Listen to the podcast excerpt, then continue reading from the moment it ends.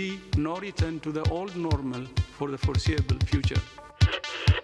Der er ingen grund til at hamstre hverken eller toiletpapir.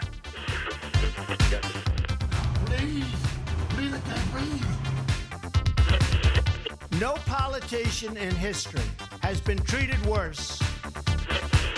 To use this beautiful game to actually change the world.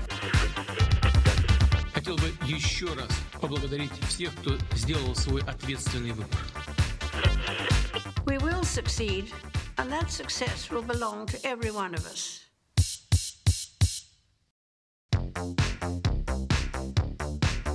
Góðan dag kæru hlustendur, þeir eru að hlusta á heimskviður. Ég heiti Guðmundur Björn Þorbjörnsson. Og ég heiti Birta Björstóttir. Í heimskviðum er fjallað um það sem gerist ekki á Íslandi.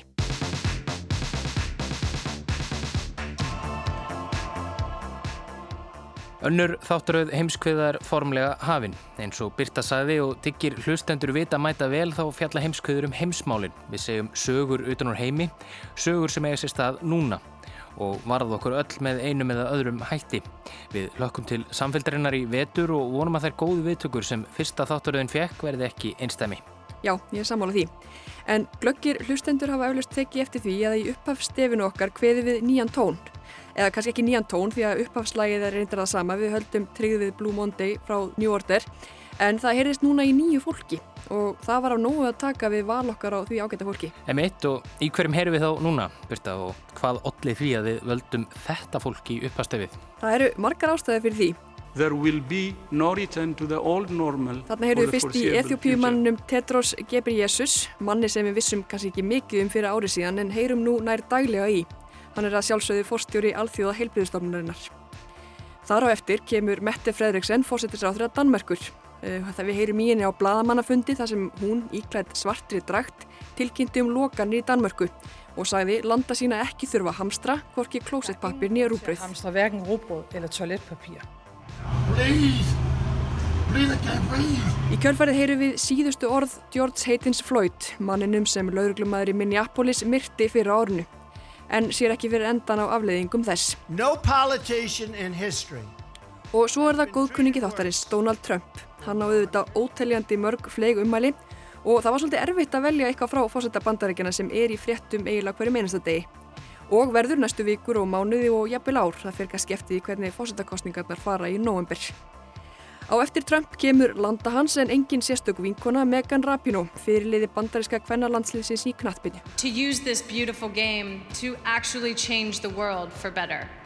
Og þaðan förum við til Rúslands og heyrum í Vladimir Putin, fósættalandsins. Hann er þarna að þakka landsmönnum sínum fyrir að kjósa rétt. Það var eftir samþygtar stjórnarskrarbreytingar sem heimila fósættinum að setja á valdastóli umtalsett lengur en áður var í bóði. Og að endingu heyrum við svo í Elisabetu Englandsdrottningu, konunni sem hefur gengt í ennbætti í einn 68 ár.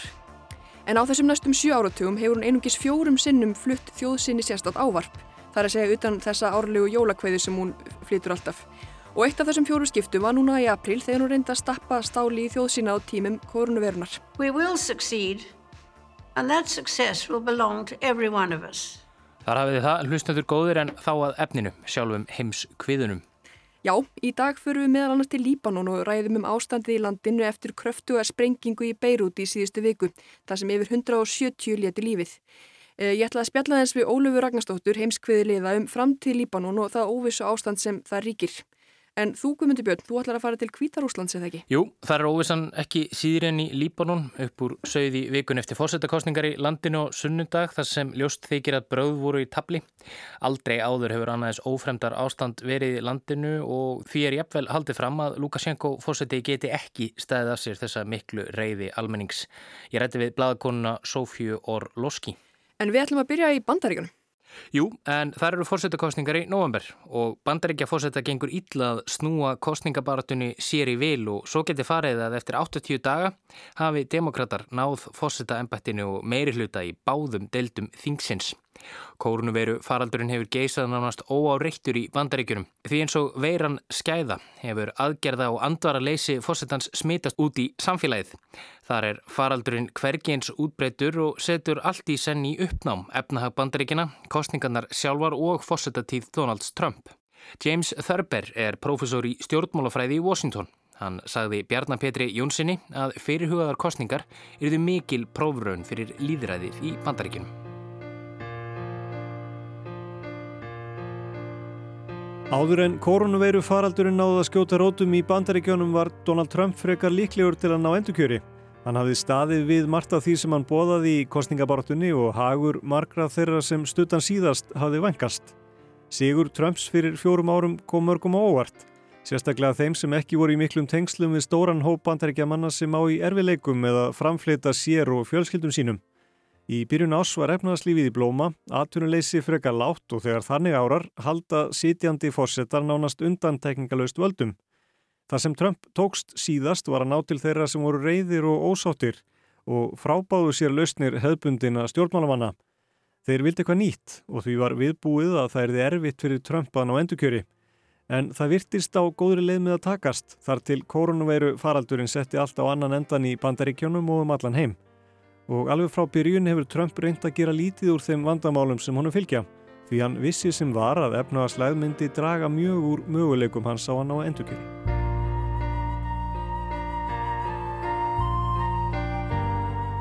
Koronaveiran let hittan í april ekki hafa áhrif á sig heldur þvert á móti. Það dró úr fjölgun tilfella í mæi og júni en síðan þá hefur faraldurinn farið stigvaksandi og vöxturinn hefur haldist í hendur við fylgisaukningu bætens samkvæmt flestum konunum. Hann náði mest um 10% stiga fórskóti á Trump en það hefur dreyið saman með þeim síðustu vikur. Samkvæmt stjórnmálavefritinu 538 sem tekur saman kannanir á landsvísu mælist Biden nú með tæp 50% en Trump rúm 42%. Flestir spá því að Biden sigri eins og staðin er núna en nú eru um 8-10 dagar til kostningar sem verða 3. november og því getur ímislegt breyst. Biden leiðir í 5 af 6 helstu baráturíkjónum, Florida, Wisconsin, Michigan, Pennsylvania og Arizona. 531 byrti fyrstu niðurstöður spálíkan síns í vikunni en það metur sigur líkur Bidens nú 71% sem eru nákvæmlega þær sömu og Hillary Clinton fekk á kjördag fyrir fjórum árum. Þann sama dag af reikni líka New York Times Hillary 99% sigurlíkur. Það ber því að taka öllum könnunum með fyrirvara en Alan Lichtman, sakfræðiprofessor, hefur byrt sína spá en hann hefur spáð rétt fyrir um úrslitt fórsetakostninga í bandaríkjanum síðustu fjóra áratvíi. Hann byggir þá kerfi sem hann kallar liklanaða kvítahúsinu en það nær meðal annars til efnagas ástansins, bæði til skemmri og lengri tíma framistuðu fórsetans á erlendum vettvangi, nexlismála og fleira. My prediction is very clear. Donald Trump is going to become the third president since World War II to fail in a re-election bid. Alan Lichtmann spáir Biden sigri en þá er því Trump þriðji fórsetin frá setni heimstyrjöld til að mistakast hann á endurkjöri. Fyrir örfáum misserum var nánast óhugsandi að innan skams gætu demokrata náð fórseta ennbættinu og meiri hluta í báðum deildum þingsins, en það er nú raunhæfur möguleiki. Samhliða fórsetakostningunum 3. november verður kosið til þriðjungssæta í öldungadeildinni. Þar af eru 23 sæti sem republikanar halda en 12 sæti demokrata. Í öldungadeildinni eru 100 sæti og því þarf 51 til að ná meiri hluta. Republikanar halda nú 53 sætum en demokrater 45 en tveir eru utan flokka. Það geti því vel farið svo að demokrater nái meiri hluta og þá væru fá ljón í veginum til að koma þeirra áherslum og kostingamálum í gegn. Þessa nutu republikanar þegar Trump náði kjöri en demokrater náðu meiri hluta í fulltrúadeildinni 2018 og jafnvel er talið að þeir styrki stöðu sína þar samhliða þessum fórsetakostningum. Það gætu því orðið miklar sviftingar í Washington á næstunni og ég hafði samband við stjórnmálafræðiprofessor í borginni til að kanna hvað veldur.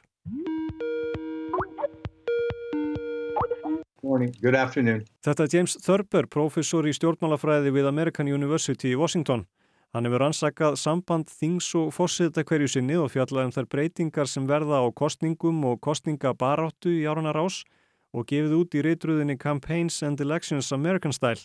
Hann segir líklegt að Biden sigri og demokrater nái meiri hluta í öldungadeildinni. It is extremely close because all the Democrats need is four seats net to have the majority.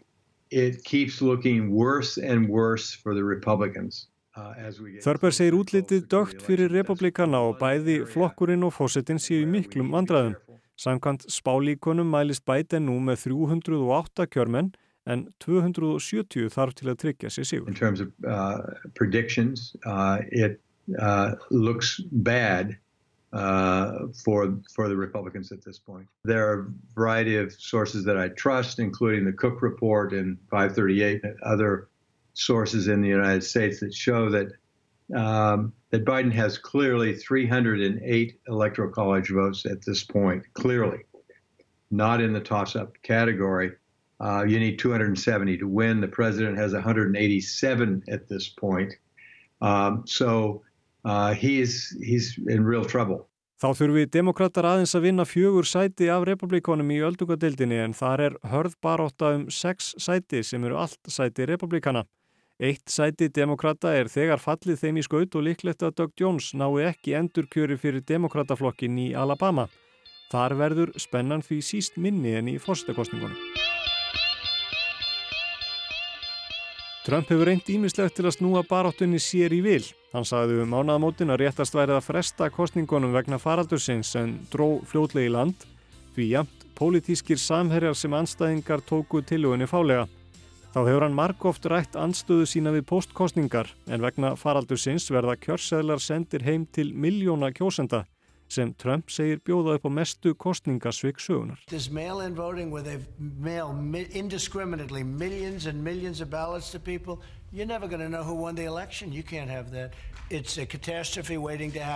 Trump segir að með þessum hætti verði niðurstaðan aldrei áreðanlega og bandaríkjónum til skammar. Þörber tekur ekki undir það en faraldrinum fylgi mörg erfið vandamál sem þurfa að leysa. Postkostningin leysi mörg þeirra en ný vandamál verði til. Það er til dæmis eftir að taka mun lengri tíma að fá staðfest úrslit nú en áður.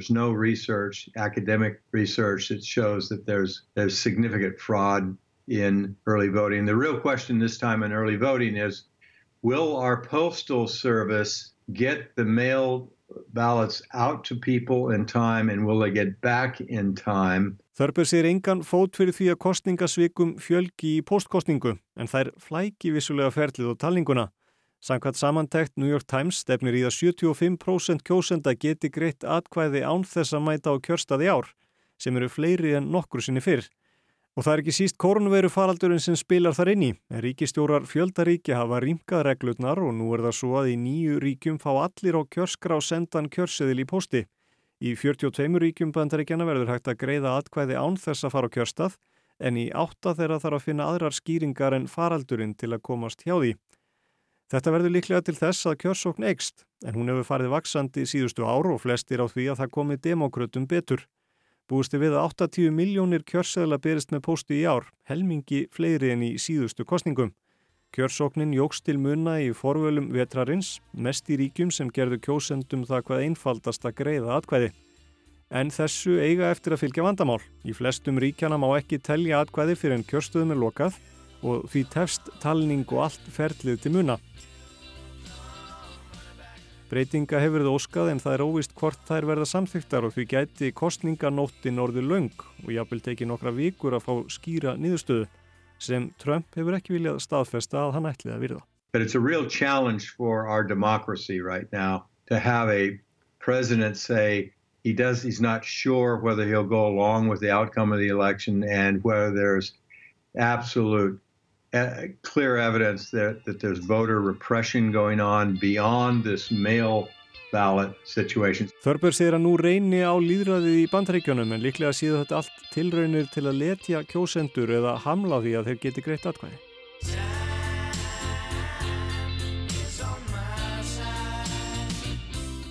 Og þetta er að mörguleiti skiljanlegt af hálfu fórsetans. Í hans huga gekk líklega allt samkvæmt áætlunni í byrjun árs. Honum hafði tekist margt af því sem hann lagði upp með og hafði náða fylgja eftir áherslum margra hægrimanna í bandaríkjónum. Að draga úr ríkisútgjöldum meðal annars með því að gera hagstaðari viðskiptasamninga og sömulegis í varnamálum með því að þrýsta á önnu ríki Atlasafsbandalagsins að leggja mun meira til NATO en þau hafa gert. Það var því margt sem gekk vel og því líklega sárt þegar efnahagurinn dalaði vegna faraldusins. Trump reyndi hvaðan gata láta sem ekkert væri framanaf. Farsóttin hirfiðinans skams án þess að gripi yrði til harðra aðgerða. En þetta hefur komið í bakið á honum. Um allan heim gengur ítla að fá fólk til að taka farsóttina alvarlega og að fylgja sótvarnar tilmælum yfirvalda. og það er ekki síst þess vegna sem framferði Trumps hefur verið gaggrínt því aðgerða og andvaraleysi hans þegar kemur á sótvörnum hefur smitast út í samfélagi.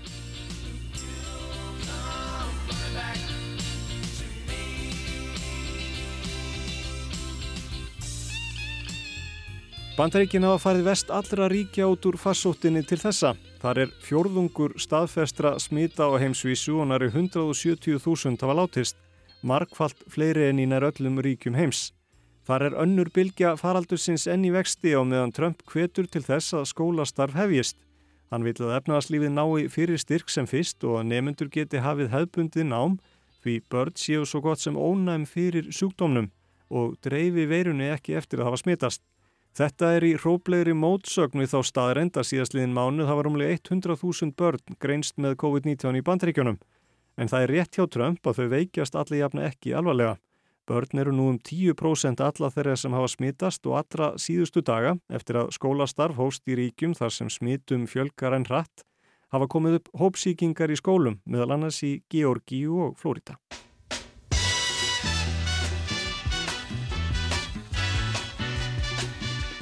Á meðan Trump heldur fjöldafundi hefur Joe Biden reynd að gera allt þver öfugt við fósettan. Hann er með andlit skrýmu við öll tækifæri, fer vall út úr húsi og hefur að mestu sint sinni kostningabaratu í gegnum netið. Jim Thurber segir líklega að þetta sé fassalast fyrir Biden að halda sig til hljés á meðan Trump á í fullu fangi með faraldur. He's getting uh, uh, good coverage because the president keeps screwing up.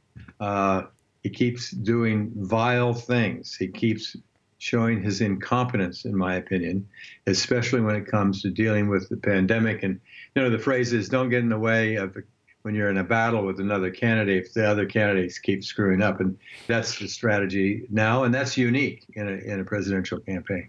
Að mati Þörbers hefur Trump sínt að hann hafi ekki það sem til þarf til að leiða þjóðina þegar á reynir. Þessu hömruðu bæði Biden og Kamala Harris á í vikunni í fyrstu ræðum þeirra begja eftir að Biden valdi Harris sem varafórstefni sitt. This virus has impacted almost every country. But there's a reason it has hit America worse than any other advanced nation. It's because of Trump's failure to take it seriously from the start. Harris að faraldurinn hafi bitnað einna vest á bandaríkjónum því Trump hafi ekki tekið hann alvarlega. Hann hugsi meira um sjálfansið en kjósendur sína. America is crying out for leadership. Yet we have a president who cares more about himself than the people who elected him. James Thurber segir að val Bidens og Harris haf ekki komið óvart en það sé óvíst hvernig það eftir að reynast því hún sótti hart á honum í forvalinu. Harris is the safe bet because you want somebody who's been through a campaign and I think that she brings strengths that he doesn't have. She doesn't know much about foreign and defense policy or trade. He knows a lot about it. He has lots of experience there. I think she'll be a strong campaigner. Now the Og þess var ekki langt að býða að árásirnar hæfust. Republikanar segja Harris rótækan vinstri sinna sem myndir strax hækka skatta og draga úr framlögum til varnamála. Trump sjálfur hefur ítt undir kenningar um að mögulega sé Harris ekki kjörgeng og ólumætur frambjóðandi vegna greinar bandarísku stjórnarskrárinar um ríkisborgararétt. Vittnað er í stjórnarskrá greinar um að enginn nema sá sem fætur er í bandaríkjónum eða innfætur geti gengt embætti á skrifstofu fósetta. Þetta er tólkunaratriði sem áður hefur verið deilt um og þá var það skýrt að allir sem fættir eru í bandaríkjónum séu bandaríkjumenn. En þetta rýmar við kenningar um fæðingarvottorð Baracks Obama fyrverandi fósetta en margir efuðust um fæðingarstað fósettans, meðal annars Trump sjálfur. Trump segist fagna valinu á Kamilu Harris en furða sig á því á sama tíma því fáir hafi gaggrínt Biden jafn harkaleg og hún. Than she was. She said horrible things about him. I think she's going to be a big failure, and I think I look forward to the debate between her and Mike Pence because I think he'll do even better against her than he did against Senator Kane, which was a total wipeout. Trump segir að Harris eftir að klúðra öllu og hann hlakki til kappræðina hennar og Mike Pence var að fórseta. Demokrater binda vonir við að Harris bæti upp fyrir það sem Biden skortir. Hann er traustur en ekki mjög heitlandi sem frambjóðandi og hefur ekki alltaf gengið vel að fylgja fólkið að baki sér. En hann er vel til verkafólks og vonast er til að Harris geti hjálpað til með að ná til fleiri hópa. til kvenna, þeirra sem eru dökkir og hörund og unga fólksins. Allt hópa sem Hillary Clinton mistókst að virkja nú vel síðast.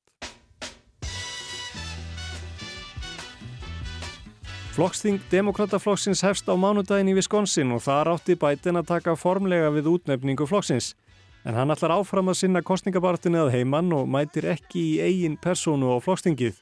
Þar tekur Kamala einnig við útnefningu flokksins sem var að fórseta efni en náið þau kjöri verður hún fyrsta konan til að gegna ennbættinu. Og það sem meira er, bætin er 78 ára og situr því í mesta lagi eitt kjörtímabil og Harris gæti því vel orði næsta fórseta efni demokrata. En hvað er tekist áum í þessari óvennilegu kostningabaratu? Hvað skiptir kjósendur mestu og hver eru eða verða helstu kostningamálin? Þetta er endálitið óljóst. Trump fær mikla aðtikli í fjölmiðlum og mikill tími fyrir að fjalla um viðbröð annara við orðum hans. Hann hefur aðlagað aðferðafræði businessmannsins að stjórnmálum og hefur ítrekkað beitt þessari samningatekni eins og hann kallaða. Til dæmis í viðskiptadeilum að setja fram óraunhefðar kröfur sem gjarnan fylgja ímsar blameringar og draga síðan úr til að ná fram ásattanlegri niðurstöðu fyrir bandaríkinn. Í þessari leikjafræði Trumps týnist oft merkur málsins og honum hefur verið leigið á hálsi fyrir þetta, jafnvel af flokksmönnum í republikanaflokknum. Áherstur hans í kostningabaratinni sé ekki nógu skýrar og hann þurfið að bæta úr því sífelt fleiri flokksbundir republikanar segja nú líklegra en áður að þeir kjósi bætin. Og bætin gengur vel á ímsum kjörlendum republikana, til dæmis í nokkrum við vesturíkjana Arizona og Texas. Þá lítur út fyrir að bætin gangi vel í Florida, Michigan og Wisconsin, allt ríkjum sem Trump vann síðast. Þetta er ekki síst að þakka velgengni hans meðal eldri kvítra kjósenda með litla mentun, en þessi hópur var einna hrifnastur af Trump síðast. Þá hefur bætin mikið fylgi meðal innflytjenda og þeirra sem eru dökkir á hörund og þar bætir Kamala Harris hans stöðu til muna. Eitt stærsta kostningamáli verður ánefa úrbætur og kervislegri kynþáttahyggju Mikil mótmæla Bilge hóst eftir dauða George Floyds í vor og hún stendur enn en komið hefur til átaka millir lauruglu og mótmælenda í Seattle, Portland og Chicago núna undanfarið. Þörber segir að þetta er eftir að lita kostningabaróttuna og Trump er eftir að halda áfram þar sem frávar horfið fyrir síðustu kostningar. Every campaign, campaign means war. Okay, every war has a different weapon. And the last weapon that surprised everybody was the president using tweets. Yeah, immediately using tweets and attacking. What's his weapon of choice going to be this time? Random raging. That's the, well, I mean that in the sense that he doesn't have a clear strategy, theme, and message with the appropriate tools that he repeats, repeats, repeats, repeats. If you want to run a great campaign, you need to have a clear strategy, theme, and message, and you need to repeat it, repeat it, repeat it many times so the public can understand where you are on that. Uh, he is all over the place. Þörpur segir að handahófskend reyði eftir að einkjanna baráttu Trumps þá 8-10 daga sem eftir eru til kostninga. Hann hafi komið öllum að óverum með því að nýta sér samfélagsmiðla af miklum krafti fyrir síðustu kostningar og eigi eftir að gera það áfram. Það er eftir að koma í ljós hvernig tilraunir stjórnenda samfélagsmiðlana til að fjarlæga rung umæli hans eftir að leggjast í kjósendur en líklega eigi það yngripp á samt mótmælabilgjunni og faraldrinum einnar stærstan þátt í fylgistapi hans samkvæmt konunum.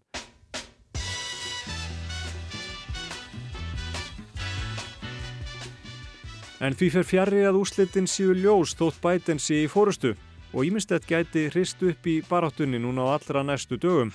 William Barr, dómsmálar á þeirra bóðar ný tíðindi af rannsók bandariska dómsmálaráðunittisins á tildrögum rúsa rannsóknunar svokölluðu og hvernig hún var tilkomin. Hún snýri að því hvort rúsar hefur reynd að hafa áhrif á nýðustöður síðustu fósettakostninga og Barr bóðar nýjar vendingar í rannsók saksóknarans John Störram á allra næstu dögum. Þær getur komið Trump vel í baráttinu og nýstónum til frekari árása á þá sem sögðu hans sjálfan hafa staðið í vegi fyrir rétti sinni. Þá var staðfest að rússar hefur einhvaðir gátu til að áhrif á nýðustöður kostningana en ekki sannað að rússar hefðu unni með Trump og hans mönnum eða öfugt. En á meðan Trump verður í eldlínunni heldur Joe Biden sig heima. Það hefur hann gert undanfarið en gæti hæglega mistiði sig þegar hann mætir Trump í kappræðum. Núna snúast þessar kostningar að mestu um Donald Trump og hvort hann hafi það sem til þarf til að gegna einu valdamesta ennbætti heims áfram. Á meðan svo er og meðan Joe Biden og Kamala Harris gera engin alvarleg mistök á loka sprettinu með þau góðan möguleika á að koma Trump úr ennbætti og gera hann að þriðja fórseta bandaríkjana sem mistekstan á endurkjöri síðastliðna átta áratví.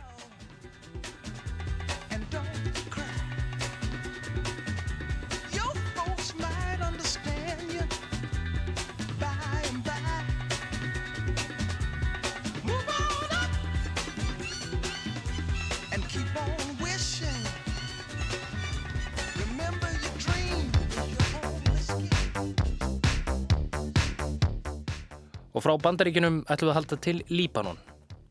Já, það hefur sömur leiðis verið mjög mikið að gerast í Beirut í Líbanon undanfarna daga og vikur og eins og alltaf er best að fá þau sem best ekki til til að tjá sig um málinn og hinga er þá komin Ólöf Ragnarstóttir, góðkunningi heimskveða sem að þekkir vel til. Ólöf, þú hefur mikið fjallað um róstur í randinu í, í Líbanon meðal annars hérna í heimskveðmi fyrra og svo heimsóttur landi fyrir á þessu ári e, þegar meðan ná, við máttum ennþá ferðast. Uh, getur þú sagt mér, ég meina, er eitthvað eitt í sögu þessar land sem útskýrir ófriðina núna? Þetta snýst ekkit bara um þessa hörmulegu sprengingu eða þannig okkur? Alls ekki. Og þessar hörmungar voru eiginlega bara svart ofan á kólsvart eins og hefur verið einhver saði hennum daginn.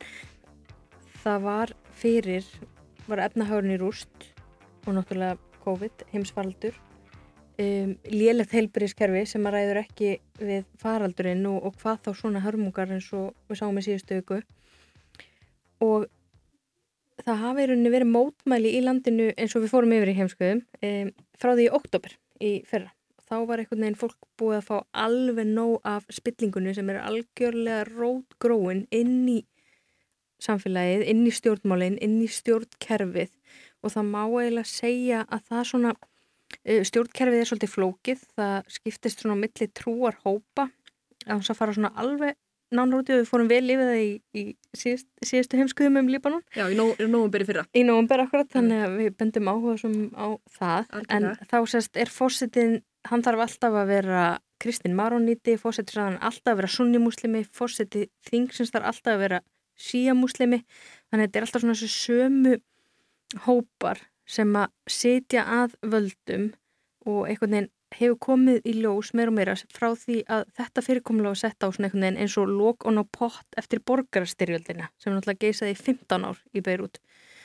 Leist einhvern veginn ekki vanda heldur bara svona lókið sett á hefur einhvern veginn verið að sjóða síðan og það hefur komið í ljós að þessir hópar hafa svona frekar verið bara að skara elda eigin kuku heldur en að vera að vinna í þáu fólksins í landinu. En svo þú segir þá byggir þetta alltaf rótgrónu kerfi, eru einhver svona kynsluðaskipti að verða í viðhorum til stjórnvalda? Er þetta mest ungt fólk sem er að mótmara eða er fólk bara eins og segir búið að fá nóg?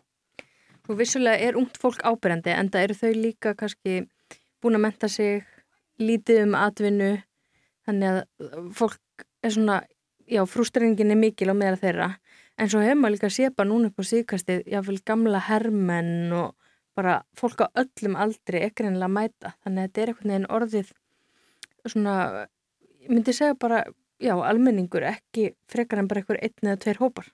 Þannig að þetta er eitthvað svona þverskurður þjóðarinnar, er þetta, sérst, að því að auðvitað mútmæli eru þess aðlis að hérna, þau rata í fjölmjöla en kannski er ekkit endil alltaf meiri hluti landsmanna sem eru á bakvið mútmæli til dæmis sem þessi. Eh, er þetta, já, eins og ég segi, er þetta þverskurður þjóðarinnar sem er þarna að taka þátt í mútmælum gegn stjórnvöldum? Já, ég myndi segja að það sé orðið nokkuð ljóst. Það er þetta, ekki mikið um skoðanakannanir sem að mæla ánægi fólks, svona við getum ekki endilega stuðst við það, einhverjar galup skoðanakannanir, en það er orðið nokkuð ljóst og sérstaklega núna, síðustu vikuna, að þetta er bara, fólkið er búið að fá nú.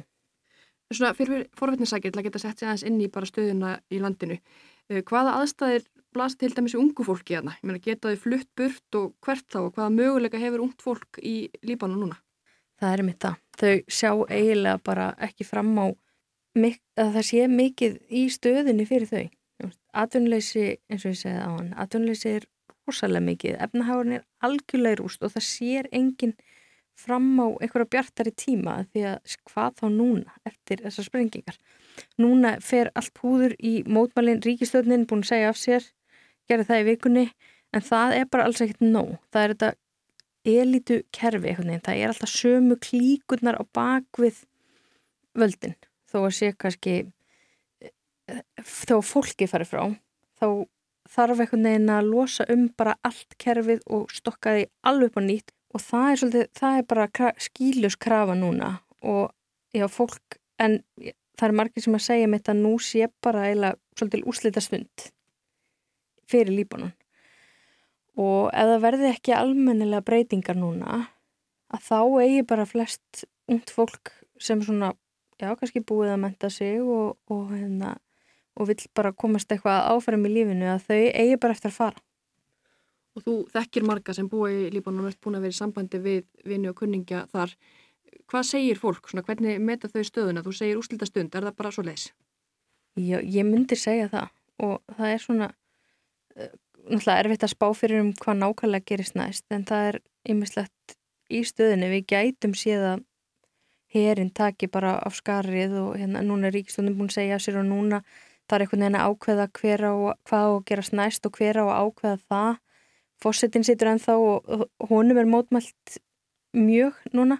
Uh, við getum séð það að herin tæki upp á að, að hérna hveða niður mótmælin eins og hefur gerst í sumum nágranna regionum en hvort það er líklegt eða ekki skal ekki segja.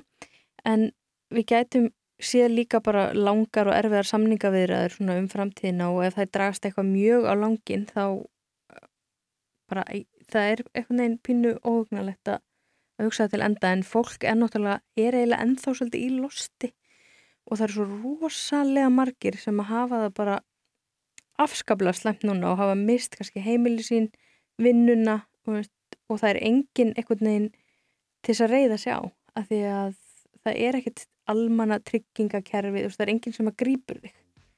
Þannig að mér brá eiginlega bara svolítið, ég fekk svona svolítið sting þegar ég fekk skilabóð frá vinn mínum sem er svona af millistjætt ef hún er það ennþá til í, Líbanon. Það sem hann var svona í öngum sínum döð skammaði sín að byggja mig um að lána sér smá pening. Og ég hugsaði bara ef hann er í þessari stöðu núna þá get ég ekki ímynda mér hvernig til dæmis sílensku flótamennir sem eru að betla út á götu í hvaða stöðu þau eru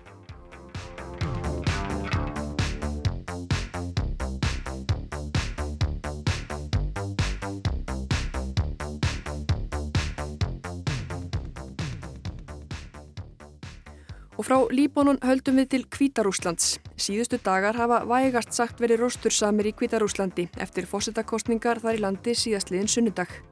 Eins og við var að búast fór Alexander Lukashenka fórsetið síðustu 26 ára með Sigur á holmi. En líkt og áður er talið fullvísta brauð hafi verið í tabli og að réttmætur Sigurvegari síðan 38 ára Svetlana Tíkanuskaja.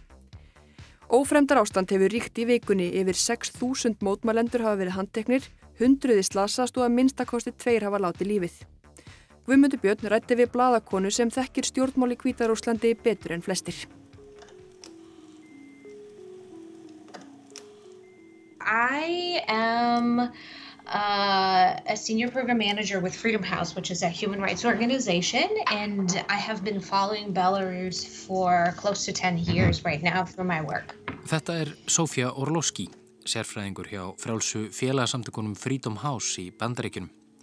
Það gekk ekki vel hjá mér að finna kvítrúsneskan bladamann til viðtals eftir tölvert bras og langa mæðu tókst mér þó að hafa upp á Sofíu. Eftir sem leið á samtalokkar komst ég að því að kvítrúsneskir bladamenn og aktivistar og þeir sem fjalla um málefni Kvítarúslands hafa góða ástæðu til þess að óttast eitt og annað. Ef ekki sín ein örlög þá ættingi sinna. Ekkert landi í Evrópu stendur sig verre en Kvítarúsland þegar kemur að fjölmiðlafrelsi og hafa bladamenn þar árum saman sætt ofsóknum að hálfu stjórnvalda. Kanski verð þetta ástæðan fyrir því að nú, þegar uppúr hefur sóðið í landinu, reyndist mér erfitt að komast í samband við sérfræðinga. En svo er það auðvitað hinliðin. Það er jú ansi mikið í gangi í Kvítarúslandi núna.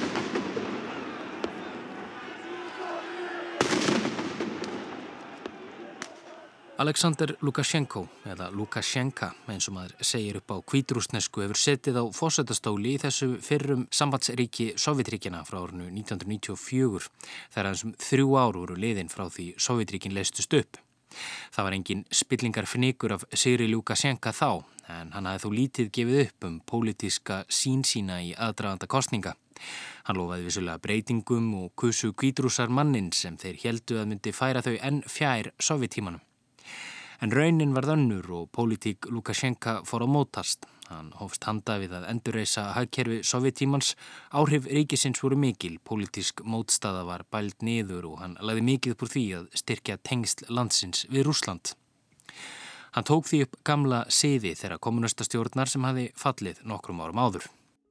Fossetakostningarnar á dögunum voru þær 50 síðan 1994 og hefur Lukashenka segrað þær allar. Það er ekki að ástæðu lausum sem hann er stundum kallaður síðasti innræðisæra Evrópu. we have consistently observed um, the same uh, cycle, so to speak, where there is a Sama minnstrið myndast í aðdraðanda hverja kostninga, segir Sofía. Andstæðingar fórsittans láta í sér heyra, almenningur fyrir að sína mótframbyðundum áhuga og í kjölfarið er þessi mótstaða brotin á bak aftur af Lukashenka og hans fólki. Við talningu atkvæða eru einnig bráði í tabli. Engar kostningar í landinu hafa verið frjálsar frá því Lukashenka tók við og Öryggis og samfunnustofnun Evrópu var ekki með kostninga eftirlit í Kvítarúslandi á sunnudag frekar náður. þar sem stjórnvöld þar leifa það einfallega ekki. Not a single election since the time Lukashenko came in power was deemed free and fair Sofía segir þó að aðdraðandi kostningana í ár hafi verið ólíkur fyrir kostningum í landinu.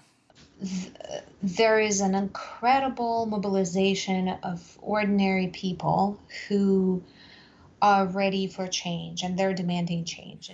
Munurinn núna, segir Sofía, er hversu margir íbúar landsins hafa kallað eftir breytingum og fjöldarhefingar orðið fjölmennari og útbreytari. Á þessum 26 árum sem Lukashenka hefur gengt ennbætti er heil kynnslóð sem hefur alist upp og ekki þekkt neitt annan fósetta. Og með natt og alþjóðavæðingu hafa kvítrúsar smátt og smátt fengið að kynnast því hvernig heimurinn getur verið.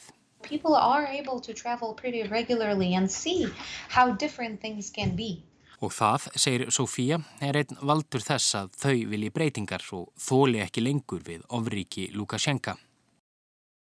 Það má ekki gleyma því heldur að koronavirufaraldurinn er enni fullum gangi og Kvítarúsland er eitt fára landa sem hefur nær algjörlega hundsað tilmæli alþjóða helbreyðistofnunarinnar frá því faraldurinn fór fyrst að láta á sér kræla í Evrópu.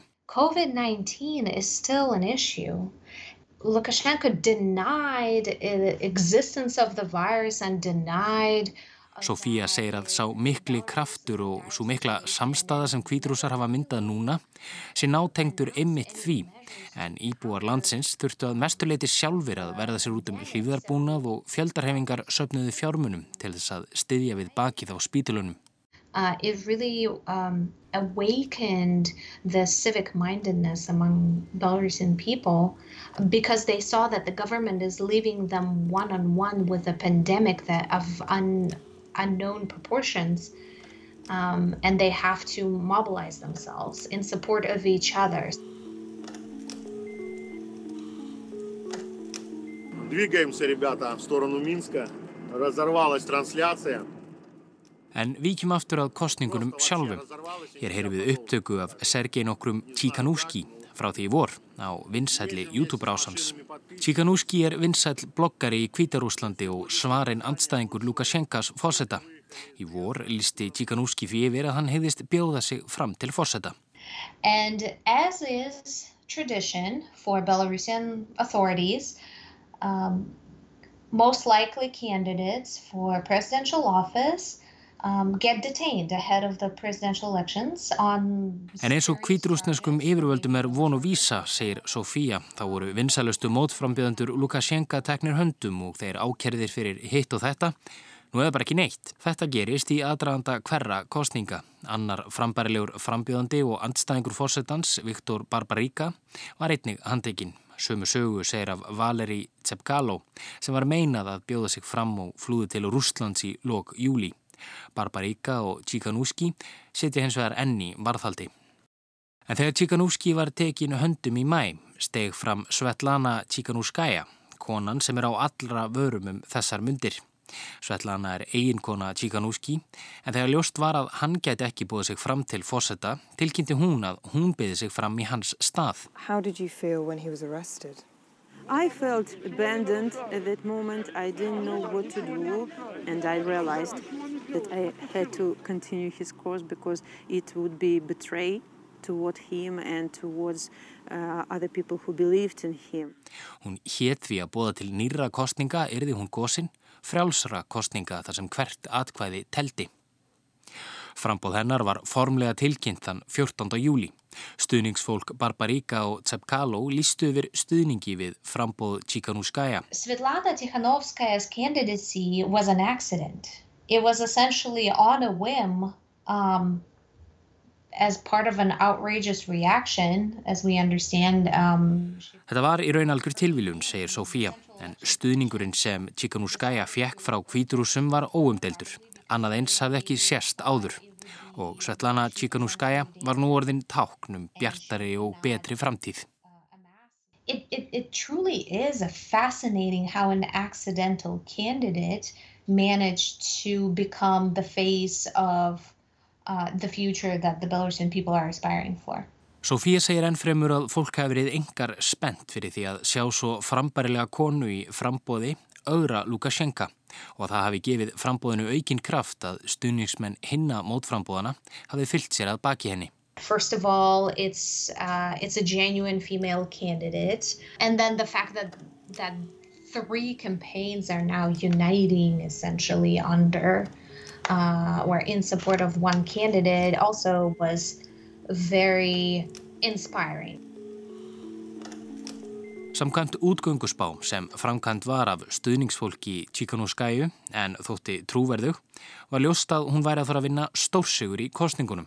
Aðeins stjórnvöld með að þó framkvæma útgöngusbár á kjördag í Kvítarúslandi. And those exit polls showed overwhelming, over 70% of uh, voters supporting uh, Tikhanovskaya and um, less than 10% uh, supporting Lukashenko. En svo, daginn eftir, gerðist þetta. Лукашенко Александр Григорьевич, за него проголосовало 4 миллиона 650... Hér heyru við í Lítíu Jermusínu, yfirmanni kjörstjórnar, greina frá úrslitum kostningana á mánudag. Alexander Lukashenka fekk 4,6 miljónir atkvæða, eða 80,2%, segir hún. Svetlana Tsikhanouskaya fekk 65.784 atkvæði eða 9,9%.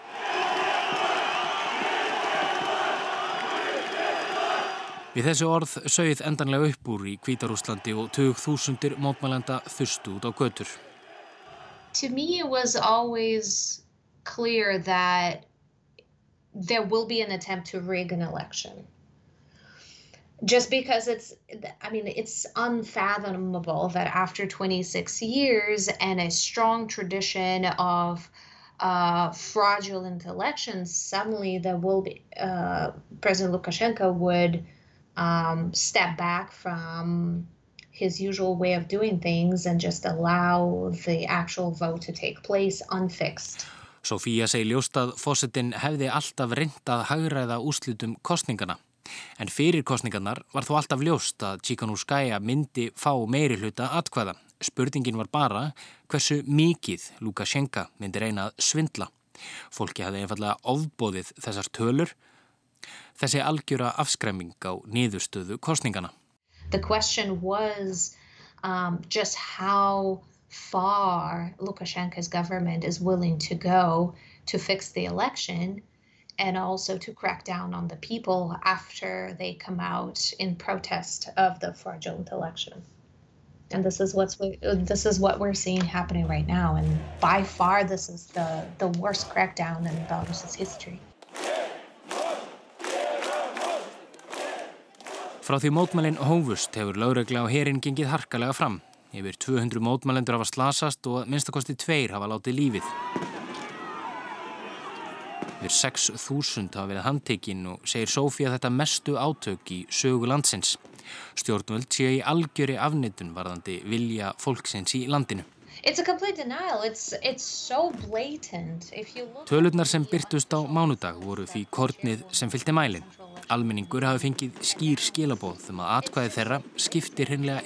It's outrageous. It's very understandable how people would be uh, feeling lied to and, and completely indignant after um, things like that happen right in their face. They're just being told that their vote doesn't matter.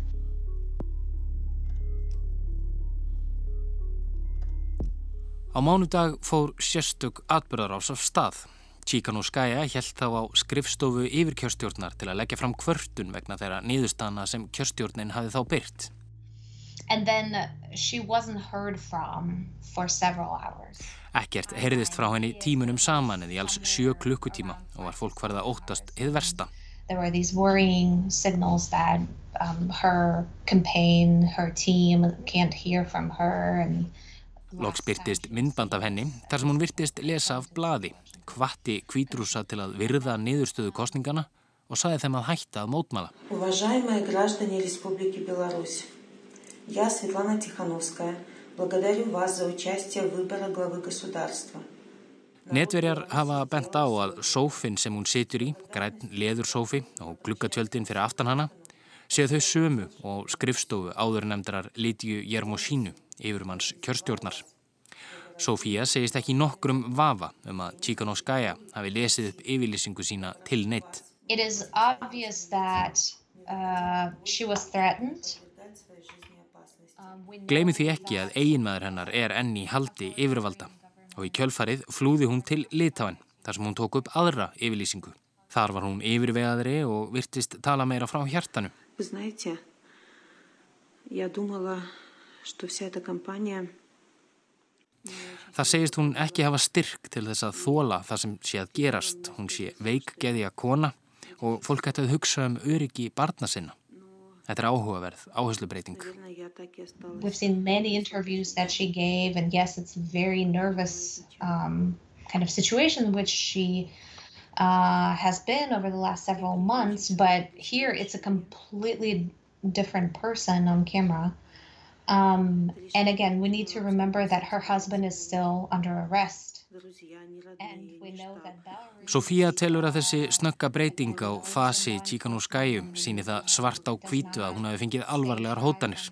Hún er enn í litáen eftir því sem best er vitað en mótmælendur í Kvítarúslandi hafa ekki slakað á kröfum sínum. Lukashenka verður að hætta, segja þau. Og ef eitthvað er verðist aukin harka verið að færast í leikinn og innaríkisráð þeirra Kvítarúslands hefur gefið út að gummikúlum verði brátt skipt út fyrir blí ef landsmenn láti ekki af mótmælunum. Nobelsverðunahafinn Svetlana Aleksevits er einn fjölmarkra sem hefur kvart Lukashenka til að láta völdum. Henda séu aðgerðir síðustu daga ekkert annað en stríðs yfirlýsing gegn kvíturúsnesku þjóðinni. Of course I'm hopeful that it would end peacefully and Lukashenka would concede and say and announce that election. Sjálf segist Sofía vonast til þess að það verði raunin en er ekki bjart sín. What we're likely going into is protracted protests. Og alþjóða samfélagið hefur fordæmt aðgerðir Lukashenka, rétt eins og framkvæmt kostningana, en áfram heldur ofbeldið. There is just so much video evidence right now. Um, it, it's just astounding. En svo staðan er akkurat núna er framtíðin kannski ekki björt fyrir íbúa Kvítarúslands. Sofía segir að yfirgnæfandi meiri hluti fólks í landinu vilji vera frjálst, vilji geta ákveðið sína eigin framtíð og lifað með reist án þess að óttast refsingu. Réttindi sem flest okkar álíta sjálfsögð. Young people in Belarus are looking to have a choice in uh, the career they get um, an opportunity to live a dignified life and, and have a good source of income uh, and not a crumbling economy. Um, they want a choice to travel, they want a choice to uh, wear the clothes they want with the symbols they want and to speak their mind and to read the media they want and, and, and to express their opinion ultimately without fear of retribution. Ég þakka Sofí Orloski fyrir samtalið. Áður auðu hverjumst bætir hún því við að það sé sérstaklega mikilvægt að fjölmiðlar út um allan heim fjalli um atbyrðina í Kvítarúslandi. Sama hversu fjarlægir þeir kunni að vera daglegum veruleika fólks í öðrum löndum. There's probably very little in common between Iceland and Belarus, but it, it's so important that um, people around the world pay attention to what's happening there.